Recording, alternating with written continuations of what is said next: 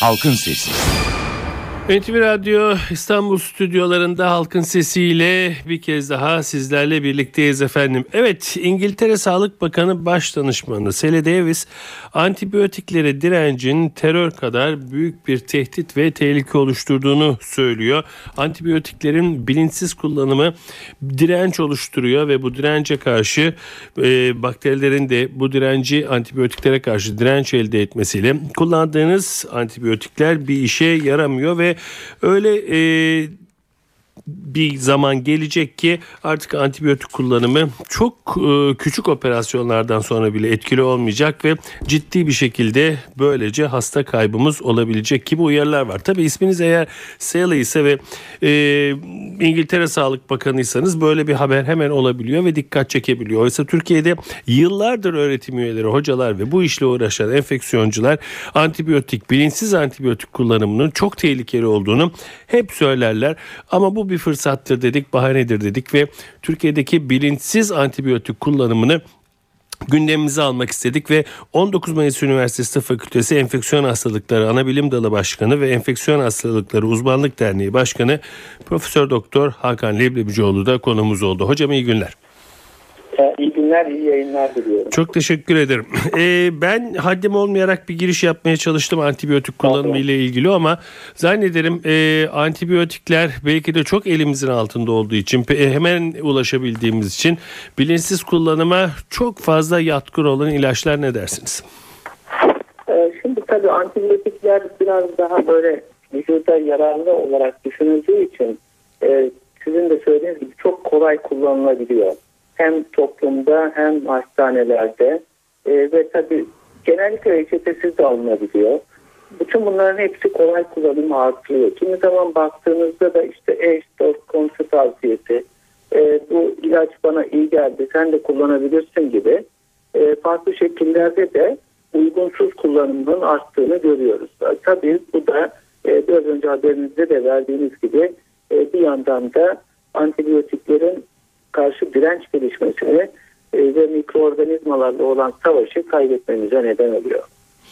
Peki efendim e, mekanizması nedir? E, antibiyotiğin kullanımı e, nasıl e, etkisiz hale gelir? Nasıl direnç kazanırlar? Bu e, kullanılan dozla mı ilgilidir? Süreyle mi ilgilidir? Yanlış kullanım deyince ne anlıyoruz? Şimdi e, baktığımızda antibiyotikler etkili olabilmesi için işte mikroorganizmanın bazı noktalarına, duvarına, içindeki bir moleküle karşı bir etkinlikleri oluyor. Hı hı. mikroorganizmalar gözle görünmüyorlar ama çok akıllı varlıklar. E, zaman içerisinde bu antibiyotikleri tanıyorlar. Ve bu antibiyotiklerin zayıf noktalarını keşfedebiliyorlar. Ve en önemlisi yapılarını değiştiriyor mikroorganizmalar. İşte duvar yapısını değiştiriyor, içindeki molekülün yapısını değiştiriyor. Ya da bu e, antibiyotikleri e, etkisini azaltacak yeni enzimler salgılamaya başlıyor. Ve bu şekilde antibiyotikler etkisiz hale geliyor. Tabi bunda da özellikle antibiyotiklerin uygunsuz kullanımı son derece önemli. Nasıl önemli? Örneğin antibiyotikler bize günde 3 defa önerilmişse e, ve biz bunu 2 dozda kullanıyorsak ya da tek dozda kullanıyorsak e, o zaman antibiyotiğin dozu mikroorganizmaya karşı yetersiz geliyor ve yetersiz kalıyor ve direnç gelişebiliyor. Ya da yine benzer şekilde hekim antibiyotiği 10 gün kullanmayı öneriyor hastaya. Ama hasta 3-5 gün sonra doğal olarak kendini iyi hissediyor. Ama tam bir etkinlik olabilmesi için 10 gün kullanması lazım. İlacını kesebiliyor. E, bütün bu durumlarda yetersiz düzeydeki antibiyotiklere karşı mikroorganizmalar rahatlıkla direnç geliştirebiliyorlar. Peki hocam e, bazı antibiyotiklerin bazı hastalara bazı antibiyotiklerin de bir başkasına verilmesi öngörülüyor.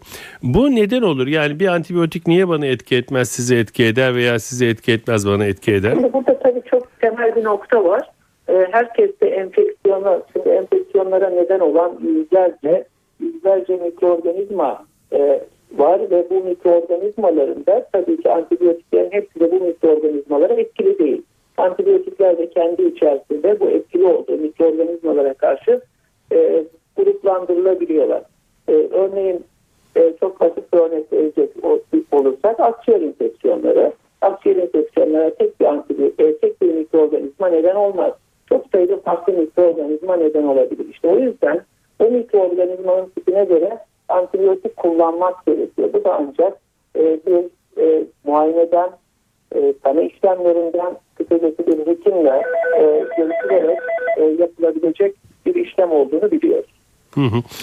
Peki e, antibiyotiklerin e, tabii e, bizim bunu bilmemiz mümkün değil ama e, çeşitleri var, e, kuşakları var. E, bunlar ne ifade ediyor? E, yeni antibiyotik, e, eski antibiyotik, şunu etkili, bunu etkili. E, bunları nasıl gruplandırıyoruz efendim? E, antibiyotiklerin e, biraz önce söylediğim gibi özellikle etkili oldukları mikroorganizma tiplerine göre etkinlikleri farklılık gösteriyor ve ona göre de işte örneğin eğer cepalosporin tipi bir antibiyotikse e, birinci kuşaktır. Örneğin gram pozitiflere etkililer birinci kuşak, gram negatiflere etkililer üçüncü kuşak. Bu şekilde antibiyotikleri farklı şekillerde sınıflandırabiliyoruz. Ya da antibiyotiklerin mekanizmasına göre de sınıflandırabiliyoruz. İşte mikroorganizmaların üremesini durduran antibiyotikler olabilir. Mikroorganizmaları öldüren antibiyotikler olabilir. Biz özellikle daha ciddi infeksiyonlarda e, mutlaka öldüren antibiyotikleri tercih ediyoruz. Hmm. Peki efendim e, antibiyotiklerin doğru kullanımı e, nasıl olmalı? Biraz önce evet. biraz bahsettiniz ama tam vurgulamak adına söylüyorum. Doğru kullanım deyince ne anlıyoruz? Çok önemli bir nokta değindiğiniz iyi oldu. Özellikle e, antibiyotikler maalesef bugün artık yemlere katılıyor. Hayvan yemlerine katılıyor. Hmm. E, ve bunları da e, daha sonra tabii ki orada da doğada bulunan mikroorganizmalar bu antibiyotiklere e, karşı direnç geliştirebiliyorlar. Onun dışında özellikle bunların besinlerle de eğer kalıntı halinde vücudumuza gelmesi söz konusu. Yani antibiyotikleri kalıntı olarak da besinlerle alabiliriz. Bir başka önemli nokta bu antibiyotiklerle karşılaştım, karşılaşmış ve direnç gelişmiş mikroorganizmaları da besinlerle alabiliriz. E, bu, bu da son derece önemli bir yol olarak e, dirençli mikroorganizmaların taşınmasında karşımıza çıkıyor. Örneğin e, bununla, e, bununla ilişkili etlerle salgınlar görülmüştür. Diğer besinlerle salgınlar da görülmüştür. Hı hı. Dirençli mikroorganizmalarla. Peki antibiyogram diye bir e, sözcük var hocam. Bu nedir? Niye yapılır? Niye yapılmaz? Antibiyogram özellikle eğer bir mikroorganizmayı bir hastamızdan izole etmişse onun hangi antibiyotiklere duyarlı olduğunu ve ne derece duyarlı olduğunu test etme yöntemimizdir. E, ve buna göre de kabaca e, duyarlı, az duyarlı ya da dirençli diye sınıflayabiliriz. Bu bize e, hastayı tedavi ederken yol gösterir. Dirençli olan antibiyotikleri kullanmayız. E, oradan duyarlı olan antibiyotiklerden seçip hastamızı tedavi edebiliriz. Hı hı. Ve bir laboratuvar testi olarak sık olarak kullanılıyor bütün hastanelerimizde. Hı hı. Peki iki soruyu arka arkaya soracağım hocam. Antibiyotikler e, nasıl e, bulunuyor? Yani sürekli olarak peş peşe antibiyotikler çıkıyor e, yıllar geçtikçe. Ama son evet. zamanlarda da yeni antibiyotiklerin artık çıkmadığı söyleniyor. Doğru mudur? Maalesef evet. Maalesef öyle bir sorun var. Şimdi antibiyotikler e, tabii nereden bulunuyor? Doğadaki kaynaklardan bulunabiliyor. Mantarlar dan e, izole edilebiliyor antibiyotiklerin. E, bu şekilde ya da sentetik yolla e, tamamıyla işte laboratuvarda e, üretilebiliyor antibiyotikler ama bu uzun bir süreçtir. Hı hı. Örneğin e, kabaca şöyle söyleyebilirim 200 tane molekülle başlarsınız bunlardan ancak bir tanesi insanlarda kullanılabilir hale gelir. Ve bu da kimi zaman 10 yıl ile 20 yıl arasında bir süreci gösterir. Çünkü Önce laboratuvarda test edeceksiniz. Ee, sonra bunu hayvanlarda kullanacaksınız. Gönüllü insanlarda, hastalarda test edecek. En sonunda piyasaya verilecek. Kimi zaman piyasaya verildikten sonra bile yan etkileri görülüp sorunlar tespit edilip e, bu antibiyotikler kullanımdan çekilebiliyor. E, kısacası uzun, zahmetli bir süreç. E, ve antibiyotikler konusundaki düzenlemeler de çok katı olduğu için artık firmalar çok fazla bu antibiyotik üretme işine girmiyorlar. Bir başka önemli nokta da e, bu kısa sürede direnç gelişirse eğer antibiyotiğe bütün o yapılmış olan yatırım boşa gidiyor. E, hmm. Bu da firmalar için tabii çok e, ne diyelim kazanç getirici bir iş olarak görülmüyor. Bu durumda artık e, antibiyotik e, üretmekten firmalar çekiniyorlar, e, çekiliyorlar. E, ve bugün e, dünyanın önde gelen birçok firması kendini antibiyotik üretiminden çekmiştir. Hı hı. Peki e, bu gerçekten geleceğe dönük bir tehlike yaratır mı? E, gerçekten çok ciddi bir tehlike var. E, ben e, işte 25 seneyi geçen bir hekimlik hayatım var. E, ve öğrencilik yıllarımızda, asistanlık yıllarımızda çok sayıda antibiyotiğin kullanıma girdiğini görüyorum. E, ama son 5 yıldaki antibiyotik, yeni giren antibiyotikleri saymamı isterseniz ancak 5 tane belki sayabilirim. Hmm. Önümüzdeki 5 yıl için de sayabileceğim belki de 5 tane antibiyotik yok yeni kullanıma girebilecek. Peki hocam bu e, Dünya Sağlık Teşkilatı tarafından ele alınması gereken bir sorun mudur? Bu kadar büyük müdür? Yani antibiyotik kullanımı... Gerçekten e, çok ciddi bir sorunla karşı karşıya. Bu üretimle ilgili kısmını söyleyeyim öncelikle. E, bu konuda Avrupa Birliği e, teşvik başlattı. Hmm. Antibiyotik üretimi konusunda teşvikler başlattı. Bizim de mutlaka ülke olarak bu antibiyotikler konusunda e, üretimin sağlanması, yeni antibiyotikler kullanılması için teşvik yöntemleri geliştirmemiz gerekir. İşte Avrupa'da vergiden muaf hale getirmeye çalışıyorlar. E, bu tür araştırmaları devlet desteğiyle desteklemeye gayret ediyorlar. Bu şekilde bir yapılanmanın mutlaka olması gerekiyor. Tabii e, bunun yanı sıra da mevcutları nasıl iyi kullanabiliriz bunun eğitimini vermemiz ve kullanmamız gerekiyor. Peki e, bu bir kaynak haber okudum başlangıçta girerken size. Burada evet. 20 yıl içinde e, ciddi şekilde e, bir tehlikenin olabileceği basit ameliyatlarda bile enfeksiyondan hasta kaybedilebileceği. Bu doğru mudur? Bu kadar yakın mı bu tehlike sizce? E, yakın şu anda halen de yaşanıyor. Kimi zaman özellikle yoğun bakımlarda baktığınızda e, her şeye dirençli mikroorganizmalar söz konusu ve çok geniş spektrumlu antibiyotiklere de dirençli. Verebileceğiniz antibiyotik kalmıyor. E, birden fazla antibiyotiği az duyanları birlikte kullanmak durumunda kalabiliyoruz. Hmm. Peki e, son olarak hocam e, bu kadar vaktinizi evet. aldık. Söylemek istediklerinizle evet. isterseniz kapatalım. E, şimdi bu tabii antibiyotikleri mutlaka uygun kullanmamız lazım. Hekim kontrolünde kullanmamız gerekiyor. E, bu toplumda kullanırken eş, dost, akraba, komşu tavsiyesinden uzak durmamız lazım. E, bunlar son derece önemli ama bununla birlikte özellikle hastanelerde de e, bu mikroorganizmaların taşınmasında eller son derece önemli rol oynuyor. Mutlaka el yıkama e, pratiğini artırmamız gerekir. Hı hı. E, bu bile e, ciddi bir şekilde önleyici olur diyorsunuz. Tabii önleyebilir. Bunun da tabii el yıkama pratiğini tabii e, bu tür pratikleri ileri yaşlarda artırmak da çok kolay olmayabilir. O nedenle mutlaka e, bu el yıkama işte, işleminin e, özellikle alışkanlığının ilk öğretim çağında başlatılması e, ve yine sağlıkla ilgili e, okullarda tıp, eczacılık, veteriner hekimlik, e, hemşirelik gibi okullarda da mutlaka bu el yıkama pratiğini ne daha fazla zaman ayırmamız, bu eğitime daha fazla zaman ayırmamız gerekiyor. Peki efendim. Hocam çok teşekkür ediyorum bize vakit ayırdığınız için. Sağ olun. Ben, ben teşekkür ediyorum bu konuya zaman ayırdığınız için. İyi çalışmalar diliyorum. İyi günler efendim. Çok teşekkürler. İyi günler. Sağ olun. 19 Mayıs Üniversitesi Fakültesi Enfeksiyon Hastalıkları Anabilim Dalı Başkanı Enfeksiyon Hastalıkları Uzmanı Derneği Profesör Doktor Hakan Leblebicioğlu bizimle birlikteydi. Haber böyle antibiyotik kullanımına devam edersek bu şekilde bilinçsiz antibiyotik kullanımına devam edersek yakın bir zamanda 10-20 sene içinde e, çok basit hastalıklardan bile e, hasta insanları kaybedebileceğiz. E, bu haber üzerine biz de antibiyotik kullanım, bilinçsiz antibiyotik kullanımı üzerine Program yapıyoruz halkın sesinde. Siz ne dersiniz? Mikrofonu size bırakıyoruz. Halkın Sesi canlı yayında. Soru ve görüşleriniz için NTV Radyo Halkın Sesi telefon numarası 0212 335 47 20.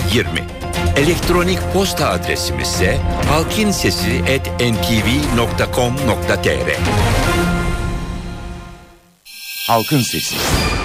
NTV Radyo İstanbul stüdyolarındayız efendim. Halkın sesine devam ediyoruz. Antibiyotikler, bilinçsiz antibiyotik kullanımının terör kadar tehlikeli olduğu söyleniyor. Eğer doğru antibiyotik kullanmazsak 20 sene içinde çok basit enfeksiyonlardan e, çok fazla hasta kaybedebiliriz deniliyor. Bu konuyla ilgili görüşlerimizi rica ediyoruz ve ilk dinleyicimize başlıyoruz. Alo.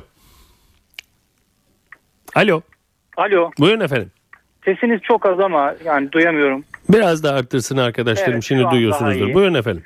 Şimdi Doktor Bey'in görüşlerini dinledim. Hani bilinçsiz e, antibiyotik kullanımı diye konumuz var ama hani kul, bilinçli kullanımın ne olduğuna dair bir e, fikir yürüten oldu mu? Onu onun için aradım özellikle. E, yani şöyle söyleyeyim. Geçenlerde tavuk gribi ile ilgili biliyorsunuz bütün tavukları e, yok ettik. E, bundan dolayı da işte bütün işte bakteriler, böcekler e, doğada arttı. İşte kene vesaire vesaire gibisinden bir şey ortaya çıktı. Aynı durum bugün biz e, bilinçli kullandığımız bakteriler de bizim bu daha dirençli olan bakterilerin düşmanı onları e, bir şekilde daha yaygın, yayın, yaygınlaşmasını tetikleyen bakteriler olabilir. Ama bunlarla ilgili araştırmalar ne seviyede hani biliyor muyuz bilmiyoruz. Bu hani bakteri e, denen canlılar da hani gözlemlemesi çok daha zor olan canlılar.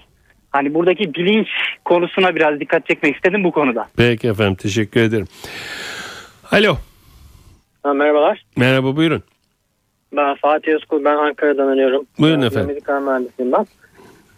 Ee, ben de şöyle bir katkıda bulunmak istiyorum. Ee, maalesef bazı doktorlarımız e, direkt olarak antibiyotin kullanımını teşvik ediyorlar. En, en ufak bir soğuk algınlığında birlikte ama antibiyotiklerin şöyle bir e, yan etkisi daha oluyor. Bildiğiniz gibi vücudumuzda yararlı birçok bakteri var. Ve antibiyotikler bu yararlı bakterilerin de ölmesine sebep oluyor.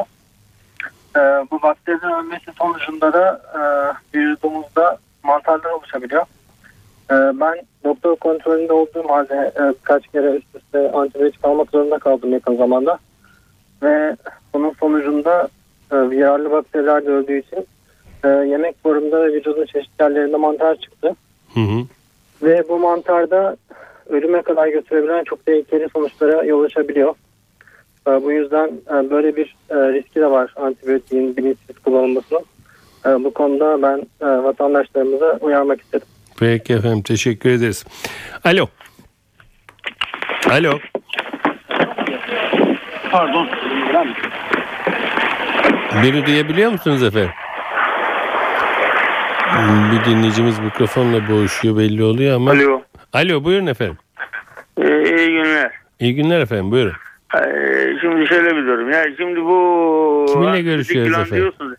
Ya şimdi doktora gidiyorsun. Alo. Doktor hemen yazıyor reçete git şu şu şu şu ilaçları alın kullanın. E şimdi bu ilaçları alıp kullanıyor. Sıcakta mı tutacaksın? Soğukta mı tutacaksın bu ilaçları? Nerede kullanacağız? Nasıl kullanacağız? Eczanede alın. Peki eczacı size bununla ilgili bilgi Yani vermiyor mu? böyle bir şey olmaz. Bir. ikincisi bir şikayet böyle var. Bu aile hekimleri çıktı. aile hekimleri hiçbir şey faydası yok. Hiçbir şey fayda yok. Gidiyorsun oraya bir dünya para kesiyor vatandaşta. Sigortam var. E, çalışıyoruz. E gidiyorsun orada bir dünya para kesiyor. E ben bö- böyle bir şey aile hekimi ben ne yapayım? Böyle bir şey faydasız yani. Parasız mı olsun? Lüzumsuz istiyorsun? bu işler. Hangisi lüzumsuz efendim? Yani böyle bir şey olmaz abicim. Böyle bir bir şey olmaz. 8 bin, 9 bin günümüz olmuş prim günümüz. E, Gidiyoruz sağlık yok efendim. Yok sen git şöyle yap yok böyle yap. Böyle bir şey olmaz ya. Halkın Sesi. NTV Radyo İstanbul stüdyolarındayız efendim. Halkın Sesi'nin son bölümündeyiz. Antibiyotik kullanımının bilinçsiz olması daha başka bir deyimle bilinçsiz antibiyotik kullanımının terör kadar tehlikeli olduğu söyleniyor. Çünkü antibiyotiğin direnç oluşturması önümüzdeki 20 yıl içinde çok basit enfeksiyonlardan bile hasta kaybına neden olabileceği uyarısında bulunuluyor. Bu konuyu işliyoruz. Bugün Türkiye Eczacılar Birliği Genel Sekreteri uzman eczacı Harun Kızılay ile birlikteyiz. Sayın Kızılay iyi günler efendim. İyi günler efendim. Çok teşekkür ediyorum öncelikle bize vakit ayırdığınız için sağ olun. Efendim e, bilinçsiz antibiyotik kullanımı ne dersiniz Türkiye'deki e, tabloyla karşılaştırdığınızda örtüşüyor mu birebir aynı mı yaklaşıyor mu ne dersiniz? Bilinçsiz antibiyotik kullanımı tabii dünyada e, çok sıklıkla karşılaşılan bir durum. Türkiye'de de çok sıklıkla karşılaştığımız bir durum. Sürpriz bir durum değil bizim için. E, e, daha önceden e, birkaç gün önce İngiltere'de bir e, yetkili tarafından antibiyotik direncine ilişkin dikkat çekilmişti. Hı hı. Aslına bakarsanız geçtiğimiz yıl Türkiye Eczacıları Birliği akılcı antibiyotik kampanyası başlatmıştı 14 Mayıs Eczacılık Günü'nde. E, antibiyotik e, o kadar e, önemli ve stratejik bir e, şeydir ki ilaçtır ki aslında adeta bizim tankımız topumuz gibi bir şey ya da füzemiz gibi bir şey. E, mikroorganizmalar e, gerçekten e, çok akıllı canlılar ve e, enfeksiyonlarda eğer doğru, dürüst, zamanında, yeterli miktarda ve uygun e, buna karşı bir ilaç kullanmadı, kullanılmadığında derhal direnç geliştiriyorlar ve ilacı etkisiz hale getirebiliyorlar. Hatta bu öyle bir hale gelebiliyor ki e, antibiyotikler bir toplumda kullanıldığında o e, toplum içerisinde o antibiyotiği kullanmayan kişilere bile çapraz direnç dediğimiz direnç gelişebiliyor. Bu bakımdan e, antibiyotiklerin çok doğru zamanında ve etkili bir şekilde kullanılabilmesi yaşamsal derecede önem arz etmiş durumda.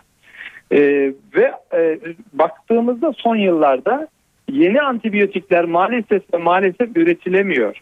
Şu anda ilaç endüstrisinin e, en çok e, ilaç keşfiyle ilgili yaptığı çalışmaların başında inme ilaçları yani e, hastalarımızın e, daha çok yatağa yatalak hale geldiği kronik hastalıkların tedavisi için kullanılacak ilaçlar konusunda e, araştırma geliştirme çalışmaları yapılıyor. Hı hı. Ve tabii ki kanser hastalığına karşı araştırma geliştirme e, çalışmaları yapılıyor. Ama baktığımızda e, yeni antibiyotikler maalesef e, son yıllarda artık çıkmıyor, üretilmiyor, keşfedilmiyor. Bu da aslında bizi e, endişelendiriyor sağlık meslek mensupları olarak. Çünkü e, maalesef sağlık okur yazarlığı konusunda e, sadece e, toplumumuz değil e, Avrupa dahil Amerika dahil birçok gelişmiş ülkede de e, sağlık okur yazarlığımı okur yazarlığı konusunda sorunlar var. E, bu aslında şu manaya gelir. E, antibiyotiği ya da daha genel konuşmak gerekirse ilacı doğru zamanında uygun dozda ve e, uygun miktarda e, kullanmadığımız zaman e, biz ilaçlardan maalesef fayda yerine e, faydasızlık hatta bazen zarar görebiliyoruz. Peki efendim e, ilaçların antibiyotin bilinçsiz kullanımı Türkiye'de de çok yaygın dediniz. Bir e, şunu soracağım e, akıllı ilaç kullanımı e, başlattı dediniz e, Eczacılar Birliği. Bu nedir? Bir bunu e, izleyicilerimizle paylaşırsanız iyi olur. İkincisi e, reçetesiz antibiyotik kullanımını bunda önemli bir faktör müdür bilinçsiz antibiyotik kullanımında? E, tabii son e, söylediğinizden e, başlayayım. E, reçetesiz bir şekilde antibiyotik kullanmak e, buna etki eder. Yalnız e, son zamanlarda baktığımızda satılan her 100 birim ilacın, bu sadece antibiyotik tüm ilacın %91'i e, reçeteyle artık satılır hale gelmiştir. Hı hı. Bu da reçeteyle ya da reçetesiz eczanelerden alınmasıyla ilgili konuda fark etmiyor. Anladım. Doktoru e, hastaya e, antibiyotiği reçeteye yazıyor hasta geliyor e, ya da işte çocuk diyelim annesi e, ona ilaç verecek. E, bir doz, iki doz, hadi bilemediniz üç doz ilaç veriyor. Hastanın ateşi düşüyor. Biraz toparlıyor kendisini ve o, o ilacı bırakıyor. Ama e, o enfeksiyon tedavi edilebilmiş değil aslında. Sadece e, belli e, miktarda kanda o ilaç bulunduğu için antibiyotikler e, biraz etki etmiş ama e, bu arada e, enfeksiyonda devam ediyor. Hı hı. Sonra bu ilaca hemen mikroorganizma direnç geliştiriyor. Bir sonraki ilacı alışta e, antibiyotik artık etkisiz hale gelmiş oluyor. Daha yüksek dozlarda bunu e, e, vermek gerekiyor. Ben şöyle küçük bir e, başımızdan geçen bir olay anlatmak isterim müsaadenizle. Hı hı. Bildiğiniz gibi Somali'de bundan iki yıl önce e, bir açlıkla ilgili yardım toplama kampanyaları düzenlenmişti Türkiye'de biliyorsunuz. Biz de Türkiye Eczacıları Birliği olarak eczacılarımızın aracılığıyla oraya bir yardım toplama kampanyası başlatmıştık. Kızılay Başkanlığından hangi ilaçlar çok acildir diye bir talepte bulunmuştuk. Gelen listede öyle bir şeyle karşılaştık ki biz e, biz hayrete düşürdü bu. Bizim Türkiye'de artık kullanımdan kalkmış olan e, amoksisilin türevi e, ilaçların 250 miligramlık formu tablet olarak bizden istenmişti. Yani Somali hükümeti e, Somali'deki vatandaşlarına kullanmak üzere bizde artık neredeyse piyasadan kalkmış, üretilmeyen, kullanılmayan temel e, bir antibiyotin en küçük formunun tablet formunu istemişlerdi. Hı hı. Bu aslında bize şunu da gösteriyor. Biz birazcık e, fazla e, tüketiyoruz bu tür e, elimizdeki e, silahları diyeyim. E, ve e, Allah göstermesin e, gelecekte bu antibiyotiklerin de etkisiz olabileceği mikroorganizmalar olduğunda buna ilişkin e, tedaviler nasıl yapılacak? Bu büyük endişe tabii ki. Peki Sayın Kızılay bir de ee, bir de e, çok vaktimiz daraldığı için şunu vurgulamak istiyorum. Bir de yeni antibiyotiklerin olmadığı, yeni antibiyotikleri firmaların yatırım yapmadığı, çünkü antibiyotik yapıyorsunuz ardından bir direnç oluşturuyor, elinizde kalıyor gibi söylemler var. Bunların desteklenmesi gerektiği ve mutlaka yeni antibiyotiklerin piyasaya çıkması gerektiği söyleniyor. Buna katılır mısınız efendim? Tabii ki yani mutlak surette antibiyotiklerin geliştirilmesi lazım. Ee, buna ilişkin yatırımların araştırma geliştirme faaliyetlerinin yüreklendirilmesi lazım. Ee, ama e, şunu söylemek gerekiyor. Ee, elbette Türkiye aslında dünyada da yeterli miktarda e, ilaç skalamız söz konusu. Biz elimizdeki o kaynakları e, daha verimli kullanabilsek gerçekten bizi idare edecek kadar geniş skalada ilacımız var. Ama biz antibiyotikleri maalesef hoyratça tüketiyoruz. Ve e, gelecek nesiller bu açıdan e, bizim açımızdan da endişe kaynağı olacak risk altında olabilirler diyorsunuz. Bir de e, bir izleyicimiz mesela çok ilginç bir şey söyledi. E, doktor e, reçeteyi yazıyor biz gidip eczaneden alıyoruz ama bunu sıcakta mı saklayacağız, soğukta mı saklayacağız, nerede tutacağız, ne yapacağız? Çok da yeteri kadar bilgi alamıyoruz dedi. Bu konuda eczacıların yapabileceği bir şeyler var mıdır acaba? Tabii ki, tabii ki var. E, sonuçta eczacıların işidir bu ilacı e, hastaya ulaştırdığı anda onun e, nasıl hazırlanacağı ve nerede saklanacağına ilişkin bilgi. Mutlaka eczacısından bunu sorması lazım ama ben sizin aracılığınızda genel bir şey söyleyeyim. Hı hı. E, şimdi biz genelde antibiyotikler ve diğer a, e, ilaçları buzdolabında saklıyoruz aldığımız zaman. Yani o zaman şöyle düşünmek lazım. Bütün eczaneler şarküteri reyonları gibi buzdolabından e, ibaret olması gerekiyordu. Bir ilacın kutusu üzerinde mutlak surette serin yerde muhafaza ediliniz diye bir ifade varsa hı hı. ışık görmeyecek ve 15 ila 25 derece santigrat e, arasında oda sıcaklığında saklanacak manası gelir. Hı hı. Genelde toz şeklinde çocuklar için verilen antibiyotikler toz haldedir. Bunlar e, kullanımdan önce sulandırılması gereken antibiyotiklerdir ve bu antibiyotikler mutlak surette kullanmadan önce iyice çalkalanması gerekir. E, hazırlandıktan sonra buzdolabında tutulması gerekir ve 15 gün içerisinde de kullanılmadıysa mutlak surette atılması gerekir. Ee, hani genel olarak bunları söyleyebiliriz. Çok teşekkür ediyorum efendim bizimle birlikte olduğunuz için. Sağ olun. Ben çok teşekkür ediyorum. Saygılar. Sağ olun saygı bizden efendim. Evet bugün yanlış antibiyotik kullanımını konuştuk. Halkın sesinde 19 ee, Mayıs Üniversitesi Tıp Fakültesi Enfeksiyon Hastalıkları Anabilim Dalı Enfeksiyon Hastalıkları Uzmanlık Derneği Başkanı Profesör Doktor Hakan Leblebicioğlu ve Türkiye Eczacılar Birliği Genel Sekreteri uzman eczacı Harun Kızılay telefon konuklarımızda. Sizlerin de bu konuda neler düşündüğünüzü öğrenebilme şansına eriştik. Evet doğanın dengesi yerinde oldukça ırmaklar yolunda aktıkça kadar sunarım efendim.